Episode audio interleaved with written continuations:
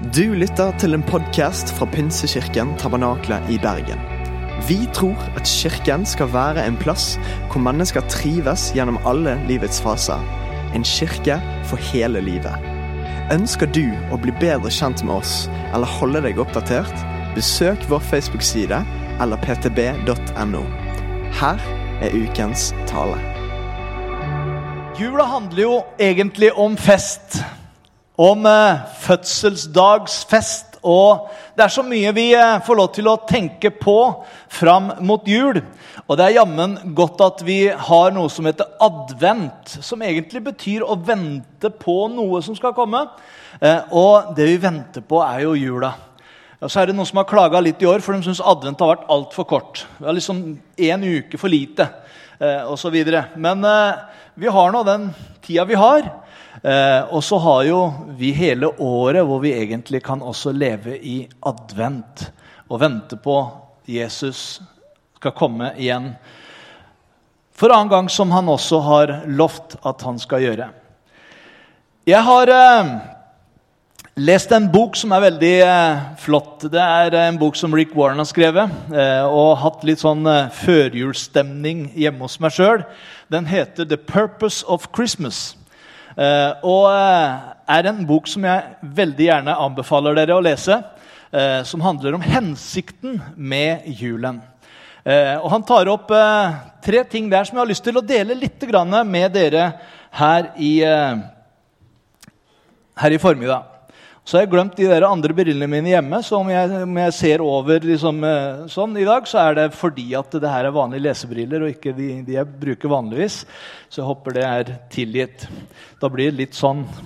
Men det passer jo bra når jeg har skjegg og skulle jeg nesten hatt nisselua på også.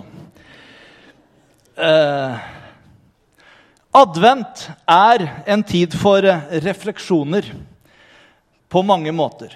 Reflektere over livet, over eh, det budskapet som julen handler om.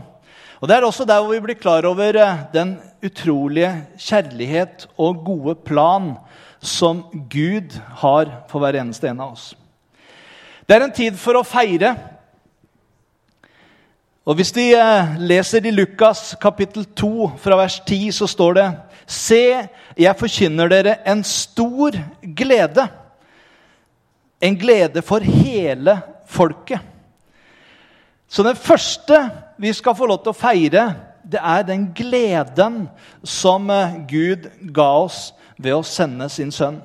Men det er også en tid for frelse. I dag er dere født en frelser i Davids by.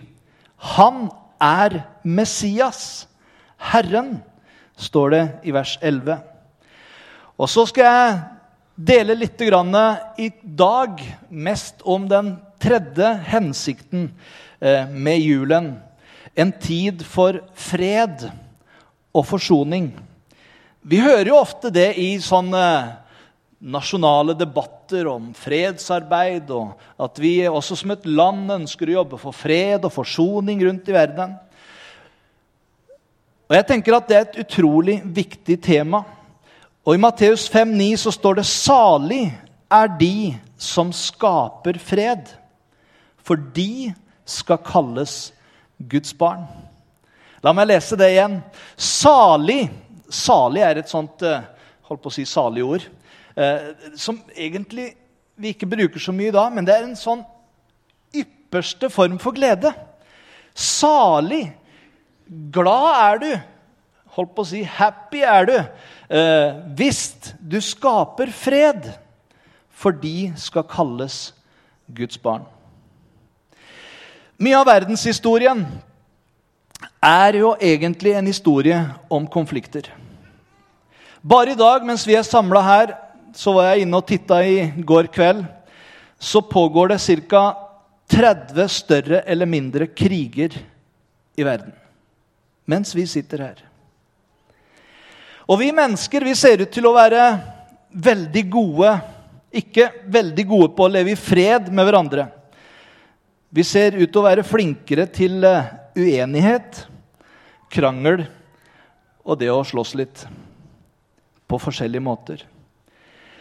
For vel 100 år siden så eh, var det en populær tanke at hvis vi bare fikk utdanna verden, hvis folk fikk kunnskap, så ville alle kriger opphøre.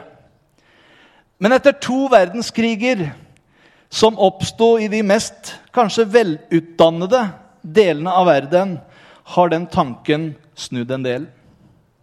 Uten en forandring i hjertet så vil kunnskap bare få oss til å finne på enda mer sofistikerte måter å ødelegge hverandre på. Og jeg tror at et utdannet sinn produserer ikke automatisk et fredfullt hjerte. Det verden trenger desperat, det er forsoning. Og det er det Jesus kom for å både vise oss og lære oss. Forsoning er gjenopprettelse av fred. Fred med Gud, fred fra Gud og fred med andre mennesker. Og det er en kraftig mirakelkur for ødelagte liv og relasjoner. Forsoning det tar på en måte brodden fra konflikten og vender jeg holdt på å si kaos til kos, men la oss si kaos til ro. Det, roen Det roer ned krangelen. Det bytter ut stress med Guds hvile. Og så vender det spenning til avslappethet og produserer ro i sinnet i stedet for panikk og stress. Heldigvis så er den tredje hensikten med julen forsoning. Og til gjeterne på marken i Betlehem så handlet det tredje budskapet om fredens konge var kommet. Og Jesus vil ikke bare lære oss fredens vei, men han vil også gi oss kraft til å leve i forsoning med hverandre. Ære være Gud i det høyeste, sang englene for hyrdene. Og fred på jorden blant mennesker Gud har glede i. Du har sikkert reist en del rundt om i verden. og Hvis man reiser rundt i verden, så vil du se at konflikter det er ikke et norsk problem, men det er et universalt problem. Du finner like mye konflikter i slummens bakgater som det du finner i de høyteknologiske verdensbyene. Økonomisk velstand ser ikke ut til å gjøre noe som helst forskjell. Og vi ser alle mulige typer av konflikter. Mellom raser, nasjonaliteter, språkgrupper, religionskonflikter. Vi ser politiske og etniske partier. Vi ser at rike og fattige er i konflikt med hverandre. Og den stadig voksende bruken av sosiale medier, der vi på en måte føler at nå får vi være med, eh, har jo egentlig bare gjort at vi alle sier det vi mener, og kanskje ikke alltid er så gjennomtenkt i forhold til det vi skriver. Og på den måten så stigmatiseres det, og det blir også større avstand mellom oss. Og Dette hjelper ikke å skape fred i våre nasjoner, samfunn og nabolag. Som pastor så har jeg ofte også måttet hjelpe til i mellommenneskelige konflikter. Mellom ektepar, familiemedlemmer, arbeidskolleger, naboer og mellom menighetsmedlemmer. Vi er ikke immune for konflikter. Og Det triste resultatet av mange av disse konfliktene det er at verden blir rasert med splittede hjem, skadelidende barn ødelagte vennskap og ødelagte relasjoner. En undersøkelse som ble gjort på et eh, kjøpesenter i juletida, der ble følgende spørsmål stilt. Hvor ville du like å se fred denne jula? Og Her er noen av svarene som de fikk på det spørsmålene. Jeg ville like å se fred med mine foreldre, min eks og mine barn, var det en som sa. Jeg vil like at det ble slutt på den politiske kranglingen på TV, var det en annen som sa. Jeg trenger fred i mitt sinn og i mitt hjerte, var det en tredje som sa. En sa jeg ønsker meg et fredelig nabolag og slutt på fordommer mot muslimer. En annen sa hvis folk var mer fredelige, så ville de kanskje ikke være så harde. Ærlig talt, hvis jeg ikke snart finner fred, sa en desperat, så vil mitt ekteskap snart være over. Et barn som ble spurt, sa at 'jeg vil at mamma og pappa skal bli sammen igjen'. Det er den fred jeg ønsker meg. Og en annen sa, 'Jeg ønsker å se fred overalt'. Og så er spørsmålet litt til oss er fred på jorden virkelig mulig? Eller er det bare en uoppnåelig fantasi?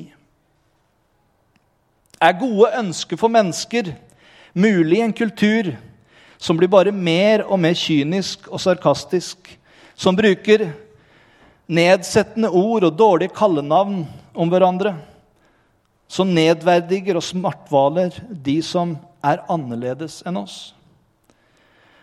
Jeg tror at utgangspunktet for fred i ditt liv er å ha evnen til å forstå først og fremst årsaken til konflikten.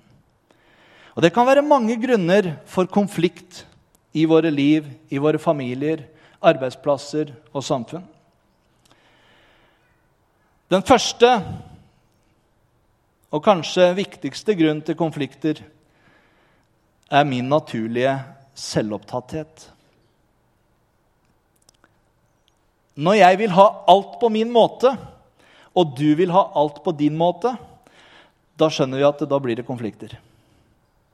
Eller når min agenda krasjer med din. Hvis ingen av oss er villig til å kompromisse ut fra kjærlighet, så blir gnisten borte. Og dette scenarioet det utspiller seg millioner av ganger daglig i forskjellige forhold rundt om i verden. Selv de du elsker, vil du ikke alltid være enig med. Har du skjønt det? Selv de du elsker, er det ikke alltid du er enig med. Den andre vanlige, men mindre forståelige konfliktgrunn det er forventningen at mennesker rundt meg skal møte de behovene som egentlig bare Gud kan møte meg med. Vi forventer av andre i stedet for å se til Gud. Så mange gifter seg med helt urealistiske forventninger. Og så går det ikke som de hadde tenkt. Man blir skilt. Ikke noe menneske kan til fulle møte alle dine behov. Det er Guds jobb, det. Han kan møte alle våre behov. Men ikke noen mennesker har evnen til å gjøre det.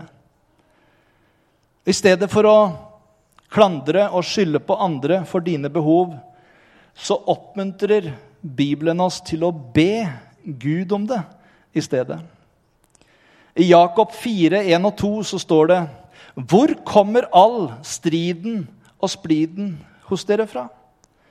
Er det ikke fra lystne som fører krig i lemmene deres? Dere begjærer, men får ikke. Dere myrder og misunner men oppnår ikke noe. Dere lever i strid og ufred. Dere har ikke fordi dere ikke ber. Jeg tenker at Hvis vi hadde bedt like mye som det vi klager og krangler, så ville det være mye mindre krangel og mye mer fred i sinnet. Derfor så har Paulus et mye bedre alternativ til oss.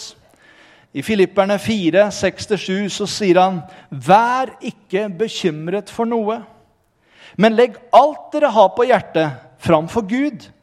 Be og kall på ham med takk. Og så står det hva resultatet av det blir. Og Guds fred, som overgår all forstand, skal bevare deres hjerter og tanker i Kristus Jesus. Sannheten er at det blir ikke fred i verden før det er fred i nasjonene. Og det blir ikke fred i nasjonene før det blir fred i våre byer. Og det blir ikke fred i våre byer hvis det ikke først blir fred i våre familier. Og det blir ikke fred i våre familier hvis ikke du først har fred med Gud.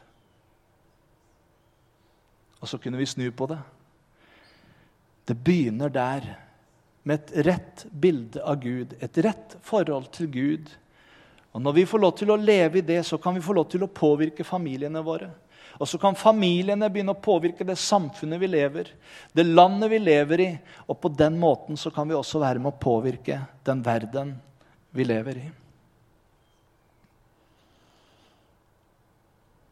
Og jeg tror ikke det kommer til å skje før fredens konge får lov til å regjere i våre hjerter. Jesus kom til jorden for å gi oss tre typer fred. Fred med Gud, fred fra Gud og fred med andre mennesker. Og la oss se litt på disse tre begrepene. Jesus han tilbyr oss fred med Gud. Du har kanskje ikke tenkt på at hvis du forsøker å leve livet på din måte i stedet for på Guds måte, så er du i konflikt med Gud. Fordi han skapte deg for hans hensikt. Men du har på en måte levd i opprør mot han. Bibelen sier at dette er et universelt problem. Vi gikk oss alle vill som sauer. Hver tok sin egen vei. Men skylden som vi alle hadde, lot Herren ramme han. Vår skyld, vår krangel, både med Gud og med hverandre, den kom Jesus for å bære for oss. Synden som vi lever i. Dette er den uttalte krigen mot Gud, der enhver av oss velger å være ulydig mot det Gud har bedt oss om, som skaper spenning i ditt sinn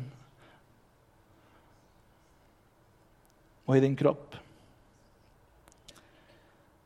Symptomene på å være i krig med Gud kan vi lese flere steder i Bibelen. Men galaterne, Paulus brev til galaterne så skriver han litt om det spennet som er, hvor han kaller for den kjødets gjerninger og åndens gjerninger.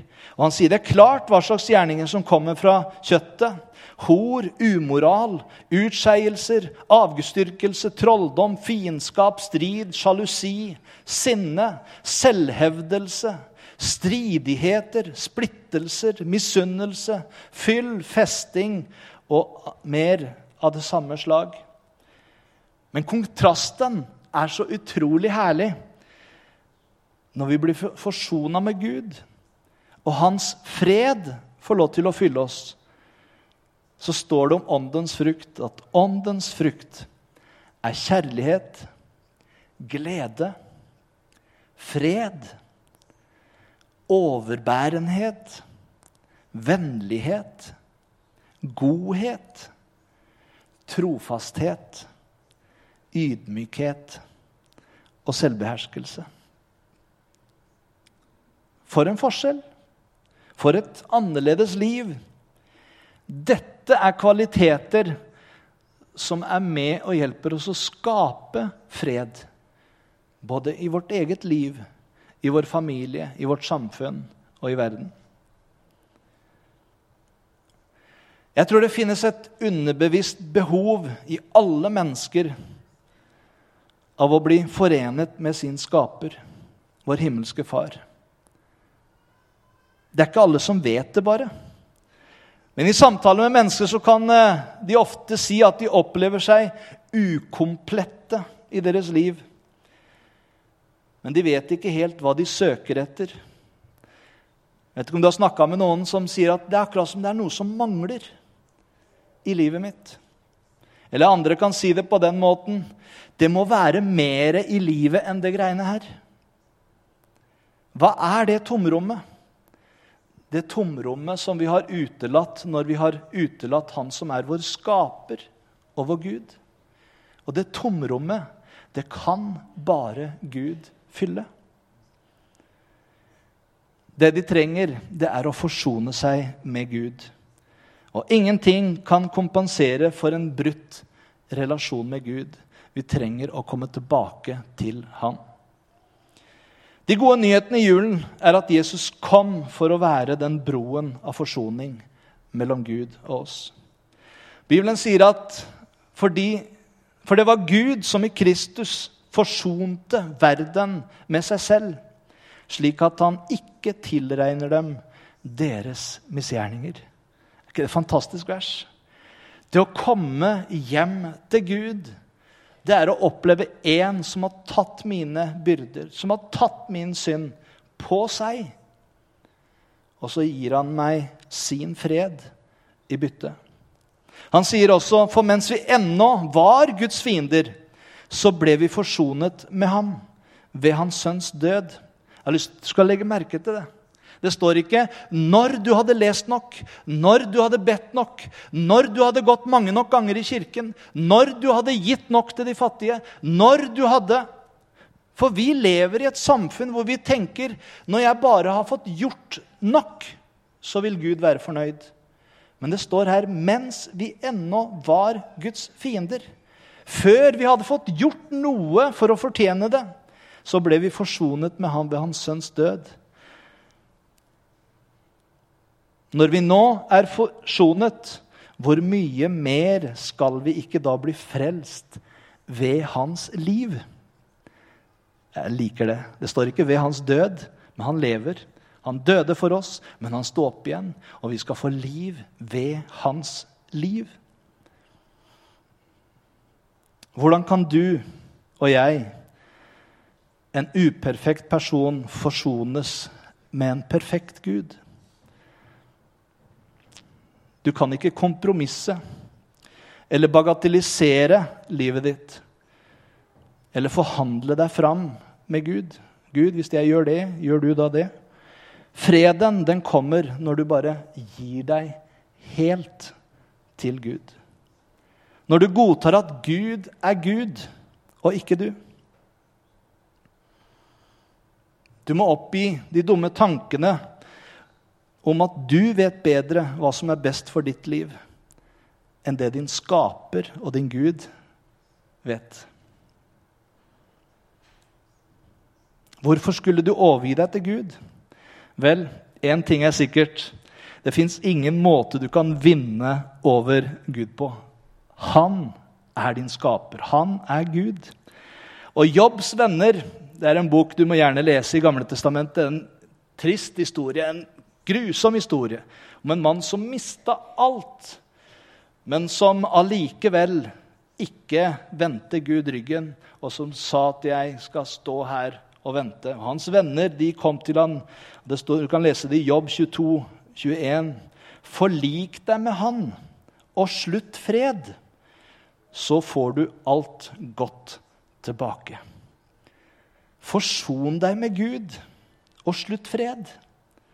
Og Kanskje det er et budskap til noen her i dag. Forson deg med Gud. Det handler om at Gud tilbyr deg fred med Gud. Det andre er at Gud tilbyr deg fred fra Gud. Og Når du har fått fred med Gud, så vil du begynne å oppleve også at Guds fred, fred fra Gud, kommer inn i ditt hjerte og sinn. Dess mer du ber, jo mindre panikk får du. Og jo mer du tilber, jo mindre bekymringer får du. Du vil føle deg mer tålmodig og mindre pressa. Bibelen sier i Jesaja 26, 3, Du gir varig fred til dem som har et stødig sinn, for de stoler på deg. Jeg holdt på å si det er Gamletestamentets Filipperne 4,4. Vær ikke bekymret for noe, men legg alt dere har å be om, framfor Gud.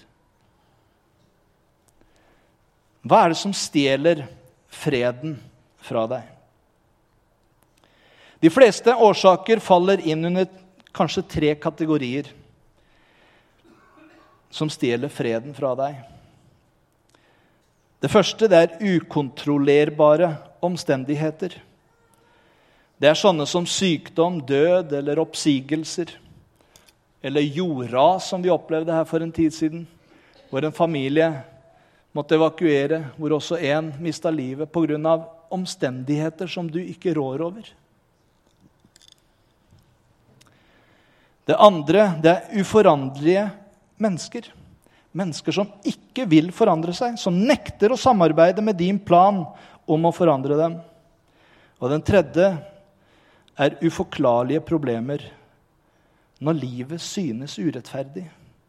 Du kan ikke forstå hvorfor ting skjer. Og mennesker de svarer på disse fredstyvene på tre måter. Noen forsøker å kontrollere alt mye sterkere, men de er garantert å mislykkes i det.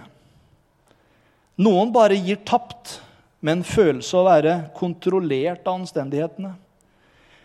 Eller de vinner sann fred i sinnet ved å respondere på situasjonen sånn som Jesus gjorde det. Og bli avhengig av Hans ånd, som gir dem kraft til å gjøre det som er rett. Du har kanskje hørt eh, en bønn som blir kalt for sinnsrobønnen. Den ble kjent under det navnet gjennom eh, Reinhold Se om jeg greier å si etternavnet riktig. Nibu, Nibur. Men du har kanskje ikke lest hele bønnen. fordi at Som regel så er det de fire første linjene som alle kjenner til. og Du vil snart høre hvorfor. Men skal du kunne be den første delen av bønnen, så trenger du også å forstå resten av bønnen. For den er like viktig for at det første delen skal kunne stemme. Og denne bønnen lyder slik Gud, gi meg sinnsro til å akseptere de ting jeg ikke kan forandre. Mot til å forandre de ting jeg kan. Og forstand til å se forskjellen. Er det noen som har hørt den noen gang? Som har lest den?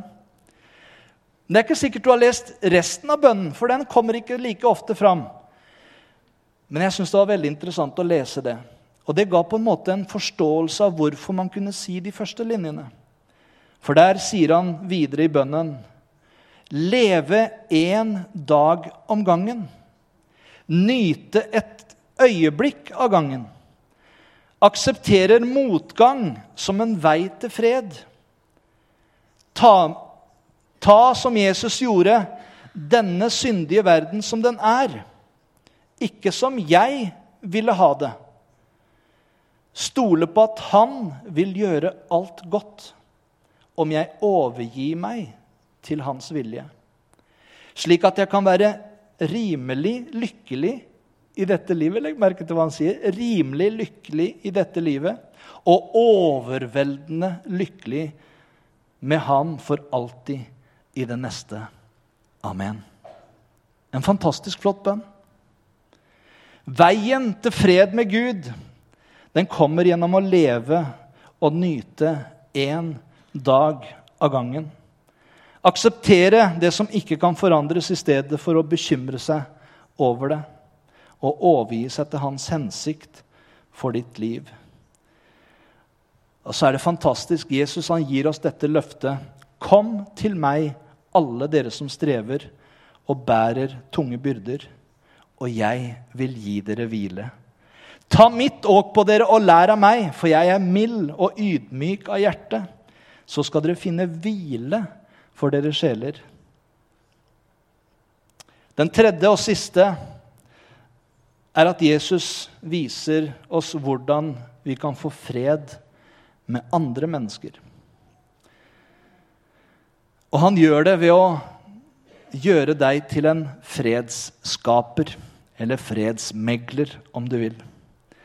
Han gir deg lysten og så evnen og kraften til å forsone deg med mennesker i ditt liv som du kanskje har hatt konflikter med.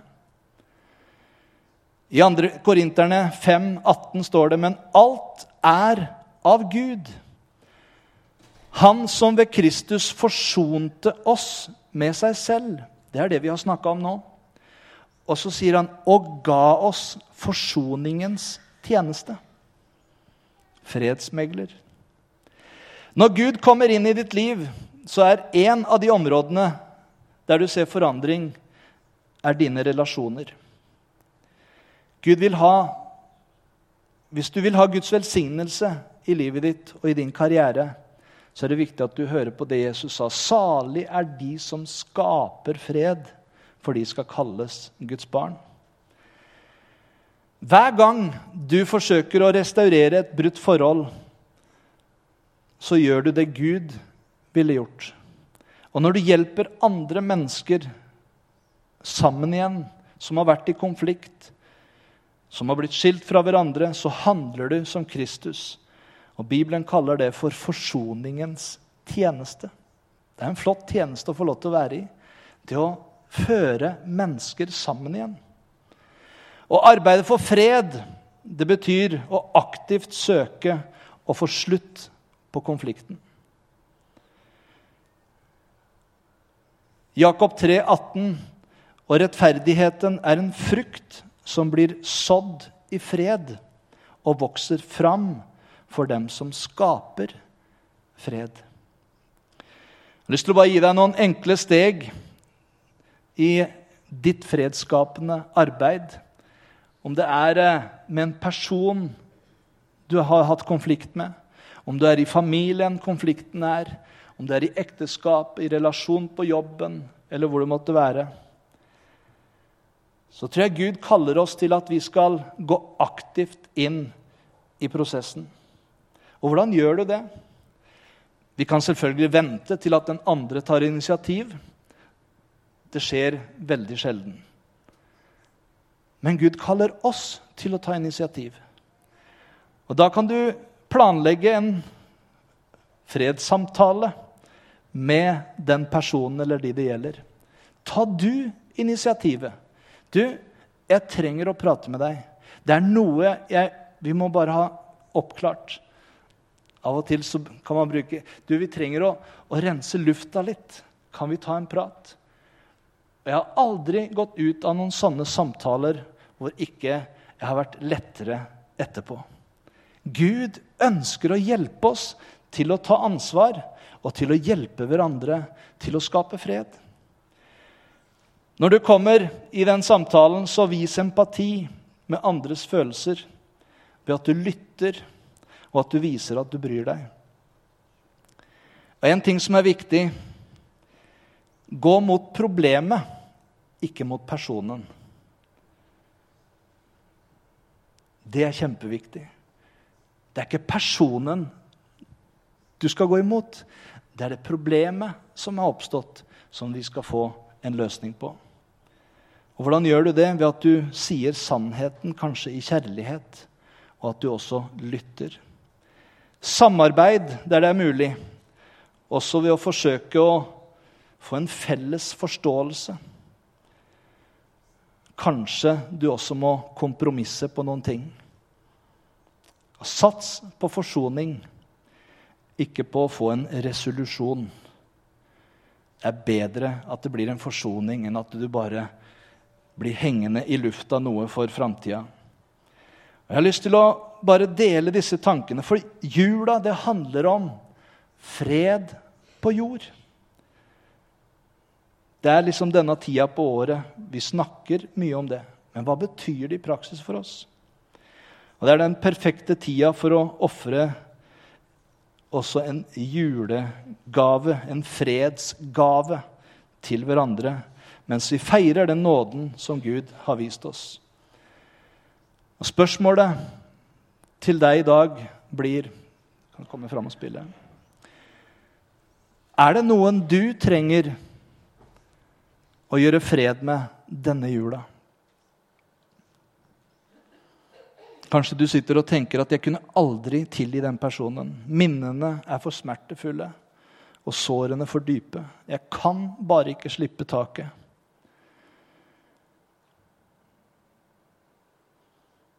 Det er sånn at uh, først når vi føler oss fri, når vi føler oss tilgitt av Gud, så vil vi være i stand til å kunne tilgi de som har såra oss dypest. Og bare når vi blir fylt med Jesu kjærlighet, så vil også vi være i stand til å la smerten gå, og at livet får fortsette. La meg bare oppsummere for deg. For at det skal være fred på jord, så trenger vi å oppleve fred med Gud. Og vi trenger å oppleve fred fra Gud. Og vi trenger å oppleve fred med andre. Skap fred med Gud ved å be ham om tilgivelse for dine synder. Å be Gud om tilgivelse det bør være en kontinuerlig bønn i våre liv. Ikke bare den første dagen vi ga livet til Han. Men jeg har måttet be Gud om tilgivelse mange ganger. Og mange ganger daglig. 'Herre, kan du tilgi meg?' Og Det å leve i tilgivelse er utrolig viktig. Men alt er av Gud, Han som ved Kristus forsonte oss med seg selv. Det andre vi delte, opplev Guds fred ved å holde kontakten med Gud gjennom tilbedelse, bønn og lesning av Hans ord. Vurder å være med i en life-gruppe det er veldig bra. Det har vi i menigheten her. Små grupper som kommer sammen. Jesus sa, 'Den som blir i meg og jeg i ham, bærer mye frukt'. Det er en av åndens frukter. Fred.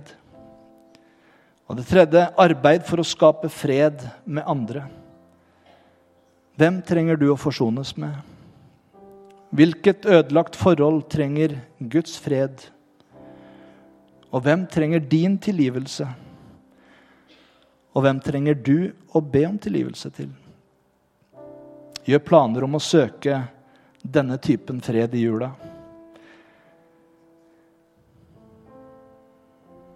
Hvordan kan du bli en fredsskaper i familien din, på jobben, på skolen? Hvordan kan vi jobbe for fred i vårt samfunn, vår nasjon og verden? Salige er de som skaper fred, for de skal kalles Guds barn.